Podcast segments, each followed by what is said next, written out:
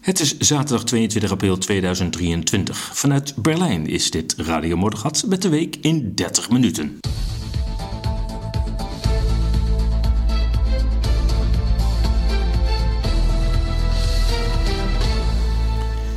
In deze wat geïmproviseerde uitzending de volgende onderwerpen. CIA geeft toch iets van haar geheime prijs. Waarom zijn trouwens UFO's controversieel? Nederland was medefinancierder van de Maidan-opstand in Oekraïne. We gaan uh, natuurlijk even naar Berlijn. Afgelopen week een aantal uh, podcasts gemaakt over Berlijn voor de leden van ESAS. Een paar fragmenten eruit. Dit in deze aflevering van Radio Moddergat. Ja, vanuit de Berlijnse wijk Prenzlauerberg. Eh, deze uitzending van Radio Moddergat. Het is even wennen, het is een andere omgeving. Uh, ook een andere akoestiek, dat zul je misschien nog horen.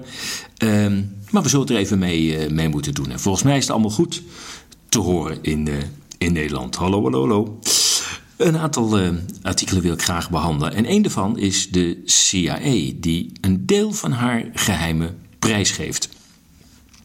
De CIA is een van de talrijke elkaar beconcurrerende Amerikaanse geheime diensten. Van alle diensten is de CIA de machtigste. Geen president kan haar belangen negeren. Zij mag, kan en doet dingen die voor andere diensten verboden zijn. Officieel dient de Central Intelligence Agency de president. Maar soms kan de CIA besluiten dat een president in de weg staat. Dan kan zij zaken doen die geen enkele dienst doet. En in dat artikel um, ga ik in op um, wat de website van de CIA aangeeft, maar ook dat ze een nieuwe podcastserie hebben. Een nieuwe, uh, de allereerste in uh, haar bestaan, denk ik. Uh, waarbij ze nou ja, op een aantal punten openheid van zaken geven. Dat mag dan vreemd klinken. Uh, zo openheid geven in een, in een, in een eigen CIA-podcast-serie. Maar goed, die openheid moet dan natuurlijk wel met enige voorzichtigheid worden gelezen, want het blijft natuurlijk wel een geheime dienst. Maar de dienst is blijkbaar vol zelfvertrouwen uh, dat zij toegeeft overal ter wereld in te grijpen als de Amerikaanse president dat vraagt. Over het waarheidsgehalte van wat in deze podcastserie wordt verteld, moeten we een paar slagen om de arm houden. Naast mogelijke enkele onthullingen is natuurlijk de propaganda nooit ver weg. In een aflevering van Intelligence Matters, want zo heet deze podcast-serie van de CIA, spreekt gastheer Michael Morrell met David Robarge, hoofdhistoricus van de CIA, over de verrichtingen van de dienst tijdens enkele van de belangrijkste wereldwijde gebeurtenissen van de afgelopen 50 jaar. Denk dat daar Oekraïne nog niet bij zit. Morel en Robarge bespreken cruciale momenten zoals de Cubaanse crisis, de Vietnamoorlog, de ineenstorting van de Sovjet-Unie, de Eerste Golfoorlog en de terreuraanslagen van 11 september 2001. Robarge legt uit waarom de CIA soms moeite had om adequate tactische waarschuwingen voor belangrijke ontwikkelingen te geven. En dat is een belangrijk punt voor een geheime dienst. Voor een inlichtingendienst moet ik eigenlijk uh, zeggen, die overigens ook altijd geheime dienst is. Namelijk de overheid waarschuwen voor, nou ja, iets wat het land, de staat kan bedreigen. Uh, en dat je dat met die informatie altijd voor bent. Uh, de CIA geeft dus aan dat is niet altijd goed gelukt. Of dat spel is, weet ik niet. Maar dat is in ieder geval wat ze zeggen. En nu toch in Berlijn zit, koppel ik dat even aan de Stasi, de Duitse geheime dienst, de Oost-Duitse geheime dienst destijds in de DDR, de Staatssicherheid. Um, die had ook wel eens problemen daarmee. Want je moet je voorstellen, dat was in die tijd, we praten dan over de jaren 50, 60, 70 en 80. Ja, er was toen geen internet. En, en alhoewel, in de tachtige jaren kwam dat op. En toen was de Stasi daar ook al mee bezig. Maar goed, de mensen hadden nog geen internet. Dus je kon daar verder als um, dienst, als geheime dienst, niet zoveel mee. Het probleem waar de Stasi mee te maken heeft, en dat is ook iets waar in toenemende mate de westerse inlichtingendiensten mee te maken krijgen, is dat Als je censuur pleegt, en nou ja, dat werd in de DDR op grote schaal uh, gedaan, en, en, en de eigen mening werd behoorlijk, in ieder geval in de openbare ruimte, onderdrukt, dan kun je als inlichtingendienst ook heel moeilijk aanvoelen wat er nou speelt in die samenleving. Want als er geen vrije meningsuiting meer is, dan houden mensen hun plannen, hun ideeën, hun frustraties houden ze achter. En dat was waar de stage dus mee worstelde. En daarom hadden ze ook 190.000 man, de helft betaald en de helft zogenaamd vrijwillig. Maar goed, dat is een ander verhaal. Eh, nodig om 17 miljoen burgers eh, in de gaten te houden. Zoveel uh, veiligheidsdienstmedewerkers zijn er niet in Nederland. Eh, en in de westerse wereld uh, op schaal ook niet. Maar zij komen straks met hetzelfde probleem in aanraking. Dat naarmate er meer censuur op sociale media, want dat is dan op dit moment een beetje de, de publieke ruimte. De, ik heb het ook over Facebook, uiteraard, op alle social media. Naarmate ze daar meer gaan censureren, wordt het voor hun steeds moeilijker om achter te komen. Wat zijn nou de ideeën van mensen? Want ze knijpen het zelf af. En dat is wat de afgelopen drie jaar al gebeurd is. Tot op heden wordt het nog toegelaten, maar er zit al een behoorlijke sluis op. Dus er wordt al het nodige weggehaald op internet. En alles wat, wat ze weghalen, eh, als mensen dat merken van, oh jee, daar mogen wij het blijkbaar niet meer over hebben. En ze gaan het er ook niet meer over hebben, dan krijgen de inlichtingendiensten daar dus ook niets meer over mee. Goed, gaan verder. De CIA stelt zich tot taak, en dat lees ik even letterlijk van de website eh, van de CIA: Het beschermen van ons land is een kern van onze missie, verleden, heden en toekomst.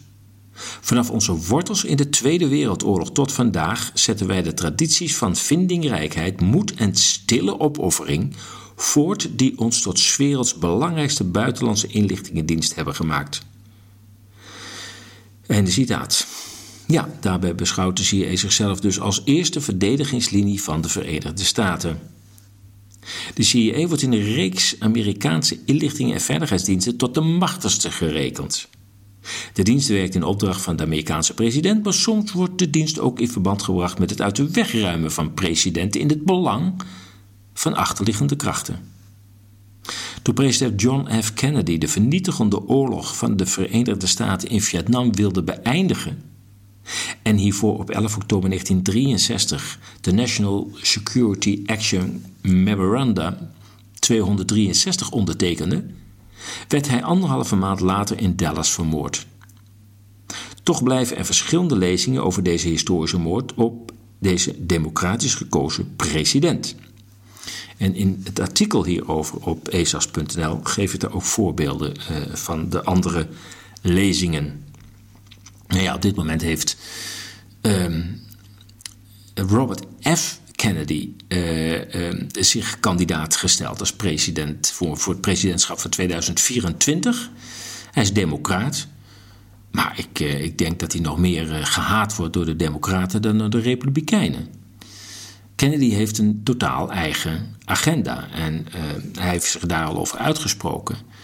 En ja, dat is niet typisch een linkse en niet typisch een rechtse agenda. Het is een agenda waar, waarvan je kunt zeggen: hij, ja, hij is voor vrede, hij is voor rechtvaardigheid. Uh, eigenlijk in de traditie van de Kennedys. En hij heeft ook grote problemen met de onderliggende, achterliggende machten binnen het, het, het overheidsapparaat. Sommigen noemen dat de deep state.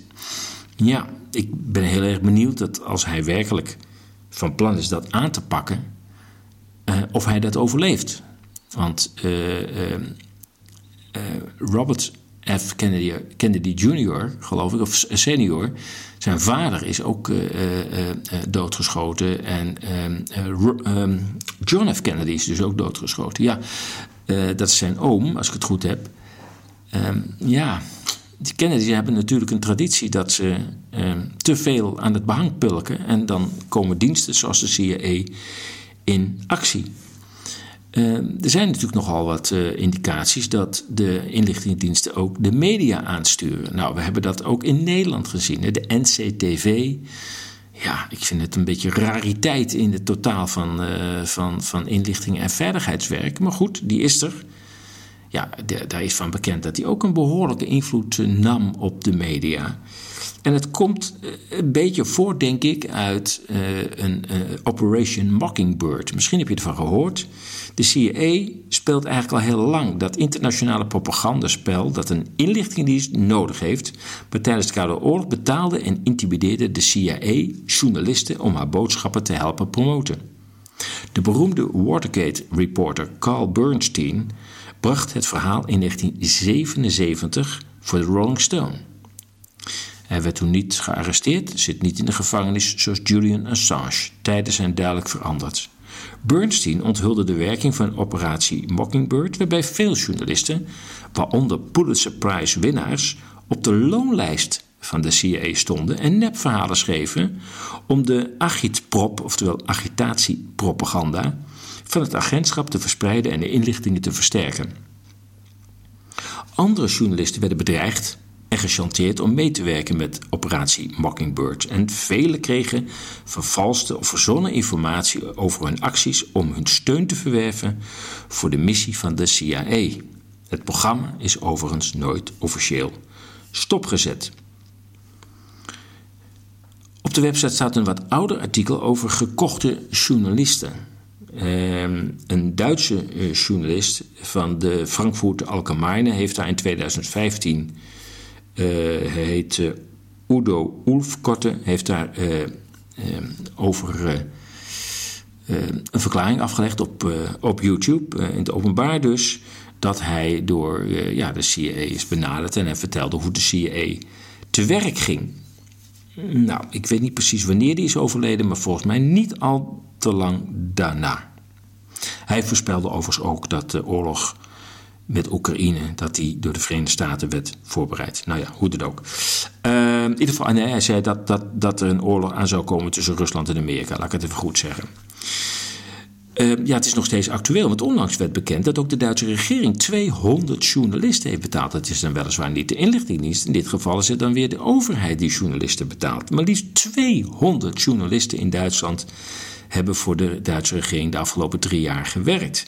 Vooral tijdens de COVID-periode hebben veel regeringen kritische geluiden onderdrukt of door de betaalde journalisten laten tegenspreken. Het zogenaamde fact-checking. Het betalen van personen is tijdens corona ook in Nederland gebeurd, waarbij BN'ers tot 60.000 euro betaald kregen om de prikken te promoten. Overheden bedienen zich dus van vormen van omkoping, direct of indirect via hun geheime diensten. De NCTV heeft in Nederland in de afgelopen drie jaar daarbij een centrale rol gespeeld in de communicatie, nou ja, zeg maar gerust propaganda over het virus en de vaccins. Waarom zijn UFO's controversieel? Ik moet je zeggen dat ik uh, daar zelf ook nog niet zo heel lang uh, uh, bij heb stilgestaan bij UFO's. Ik, ik heb het een beetje platgeslagen door te denken: het betekent unidentified flying objects. Dus alles wat we niet kunnen thuisbrengen, dat is een UFO. En ik denk dat er in de bredere definitie dat ook het geval is. Maar het gaat natuurlijk een stapje verder. Zijn er ook UFO's waarvan je zegt, ja, het zijn ook geen normale vliegtuigen. En als je nog een stap verder gaat, kunnen er ook vliegende, ongeïdentificeerde objecten van buiten de aarde uh, in onze dampkring ergens aan de horizon zijn gesignaleerd. En zijn daar, uh, nou ja, mannetjes uitgestapt. Ja, UFO's, dat, dat zou je wel zo kunnen zeggen, is als onderwerp net zo taboe als afwijkende denkbeelden over klimaat, COVID of Rusland. Het onderwerp wordt gemeden en diegene die het toch waagt hierover een serieus gesprek te beginnen, wordt niet serieus genomen. Ik heb een, eh, een, een, podcast in een artikel gezet. Uh, dat uh, artikel is van 17 april. Een podcast waarbij uh, podcastmaker Niel, Niels Lunsing met luchtvaart- en ruimtevaartingenieur Koen Vermeeren spreekt over ongeïdentificeerde vliegende objecten, oftewel UFO's. Vermeeren sluit niet uit dat het aardse, militaire objecten zijn, maar er zijn ook serieuze aanwijzingen dat er buiten onze aardbol meer aan de sterrenhemel bestaat dan wij ons realiseren. In 2013 bracht luchtvaart- en ruimtevaartingenieur Koen het boek UFO's bestaan gewoon uit, waarmee hij veel aandacht trok in de media. Nu, tien jaar later, is het UFO-fenomeen weer actueel met waarnemingen in de Verenigde Staten en Canada. Nog steeds is het onderwerp UFO's zeer controversieel, zowel in de mainstream media, maar ook in de alternatieve media. Ik moet je eerlijk toegeven, dat is ook de eerste keer dat ik dit onderwerp uh, in de website uh, plaats. Overigens, ja, dat heeft ook wel mee te maken dat het niet in een van de rubrieken valt waar ik me mee bezig hou. Dat is dus, dus economie, maatschappij, media, medisch, politiek en recht. Ja, daar valt het geen van allen onder. Dus het is sowieso een buitenbeentje thematisch gezien. Ja, sinds de bekende Roswell-crash in 1947 zijn er vooral in Amerika ontzettend veel UFO-waarnemingen geweest. In binnen- en buitenland kwamen klokkenluiders, piloten en andere ooggetuigen naar voren die dit hebben bevestigd. De relatie met buitenaards leven werd al snel gemaakt. In 2018 kwam er een documentaire uit op Netflix van Jeremy Corbell, waarin natuurkundige Bob Lazar naar voren trad met zijn bevindingen op de militaire basis Area 51. Dat is een basis in de Verenigde Staten. Hij zou intensief met technologie hebben gewerkt die afkomstig zou zijn van buitenaardse voertuigen. Beter bekend als reverse engineering. In 2021 heeft het Amerikaanse ministerie van Defensie officieel beelden uit 2004 en 2015 vrijgegeven waarop UFO's te zien zijn. Luchtvaartpiloten filmden deze ongeïdentificeerde vliegende objecten tijdens oefenvluchten. NASA heeft kort geleden aangekondigd dat het opnieuw onderzoek gaat doen naar die UFO's. Gaan, uh, ze, ze gaan beginnen in de herfst met het onderzoek en zal ongeveer negen maanden duren. Zal er daarna, na jarenlang onderzoek, dan eindelijk meer duidelijkheid zijn? Nou, we weten het niet. Ik zou in ieder geval zeggen: Kijk even op de website naar waarom zijn UFO's controversieel. En luister naar de podcast van Niels Lunching met Koen Vermeeren.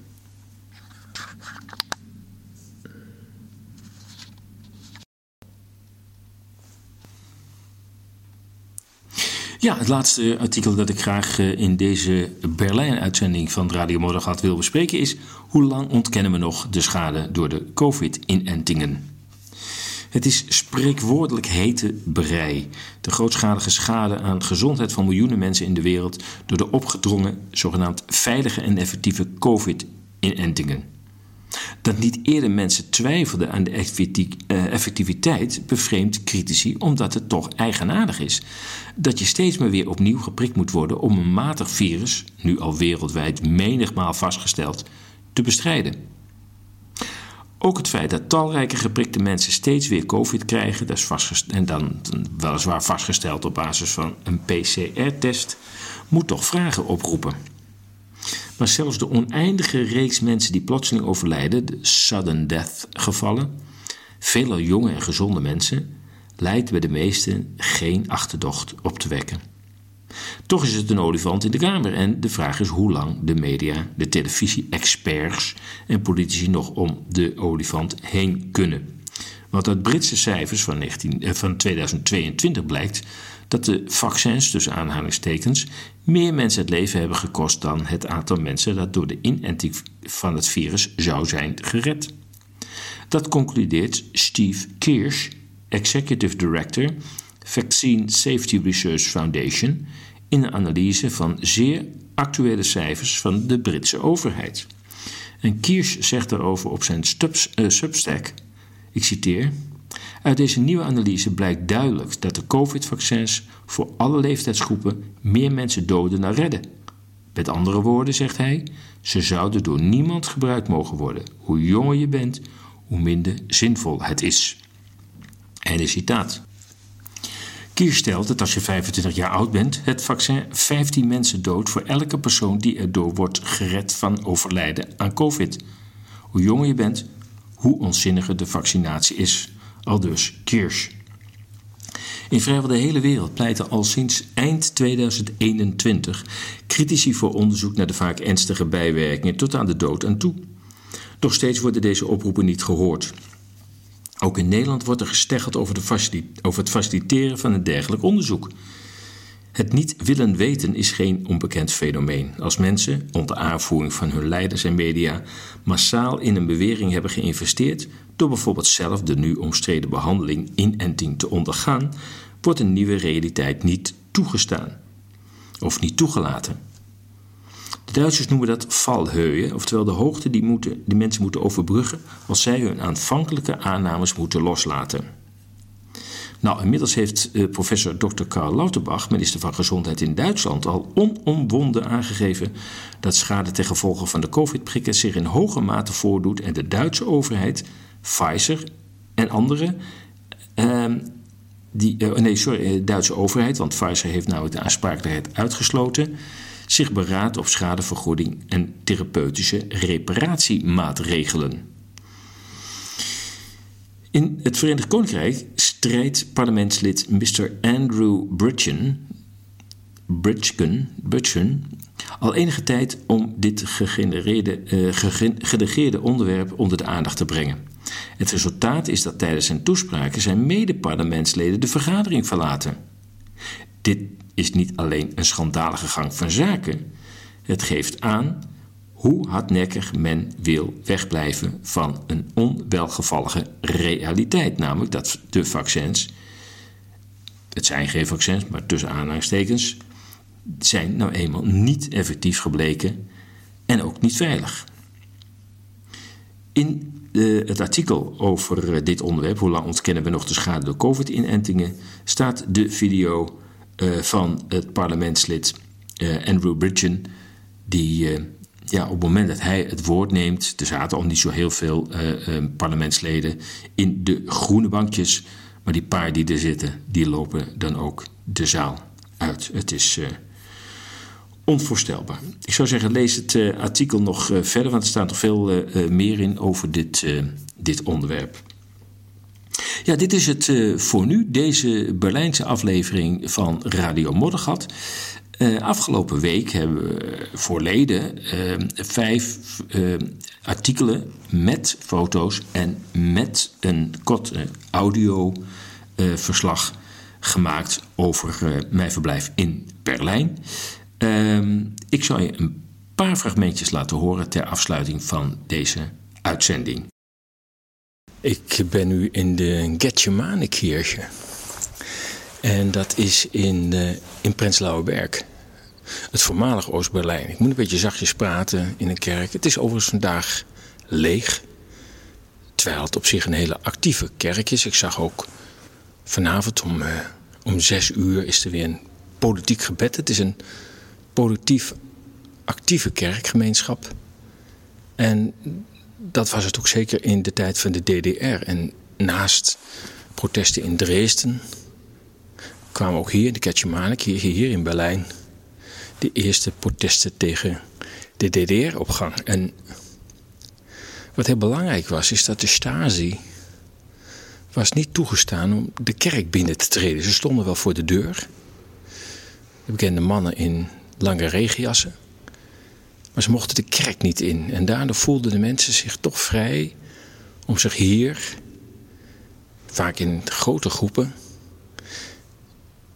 vrij uit te spreken.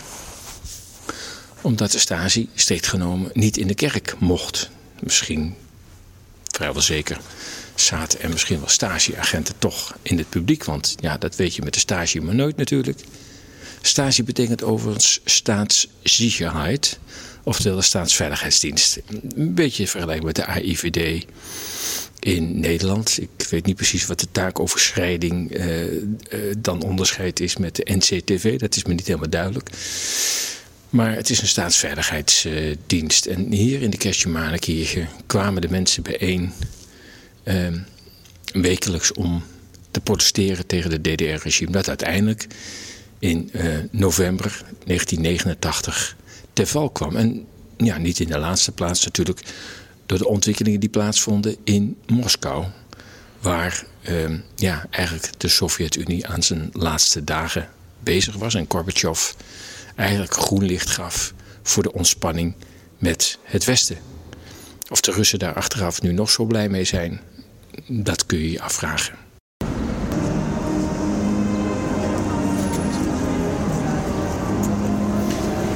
Uiteraard kan het uh, spelen van het Duitse volkslied niet, uh, niet uitblijven.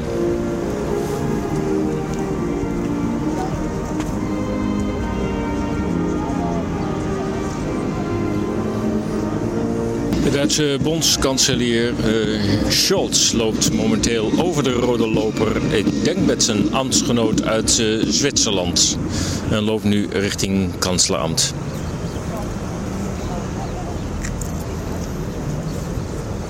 poseert nog even voor de pers en gaat dan naar binnen. Het kanslerambt dat overigens voor 750 miljoen uh, wordt verbouwd. Er uh, moeten um, nog 300 arbeidsplaatsen bijkomen.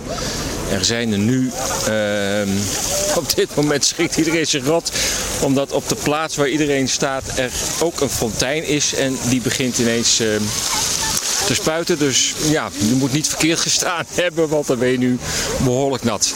Ik heb een beetje de vreemde gewoonte om, als ik in Berlijn ben, ook uh, een aantal kerkhoven te bezoeken. Dat is niet echt mijn speerpunt, maar als ik er toch in de buurt ben, dan loop ik er altijd even, even overheen. Dat doen ook heel veel mensen bij Père Lachaise in, in Parijs bijvoorbeeld. En dat doe ik ook hier in, uh, in Berlijn. Ja, de reden is, uh, ja, het is, het is groen, het is even rustig. Hè. De straten zijn natuurlijk druk.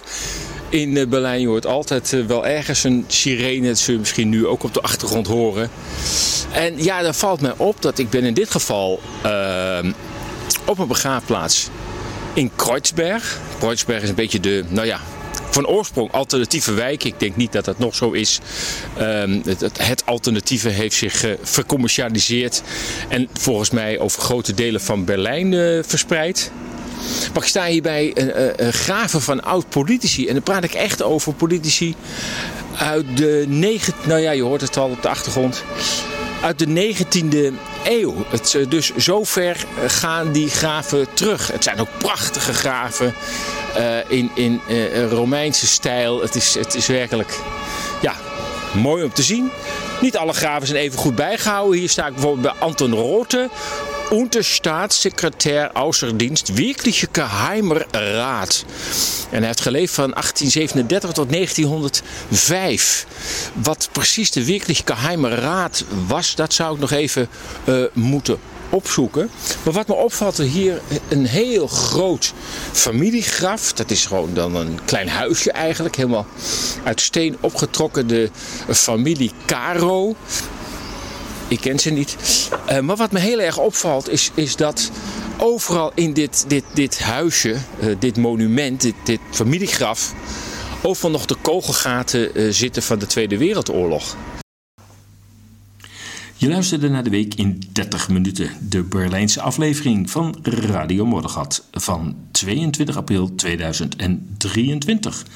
Volgende week komt de uitzending weer uit Nederland. Als je deze uitzending hebt gewaardeerd, overweeg dan een donatie, een lidmaatschap van ESAS of aankoop van ons nieuwe magazine met de beste artikelen van de tweede helft van 2022. ESAS kan niet zonder steun van donateurs en leden. Maak ons bereik groter en deel deze podcast van Radio Mordegat op je social kanalen. Je kunt ESAS volgen via onze nieuwsbrief, RSS, Telegram en Twitter. Kijk hiervoor voor meer informatie op ezas.nl. Tot volgende week. Ik wens je een goed weekend. Blijf waakzaam. Blijf sterk.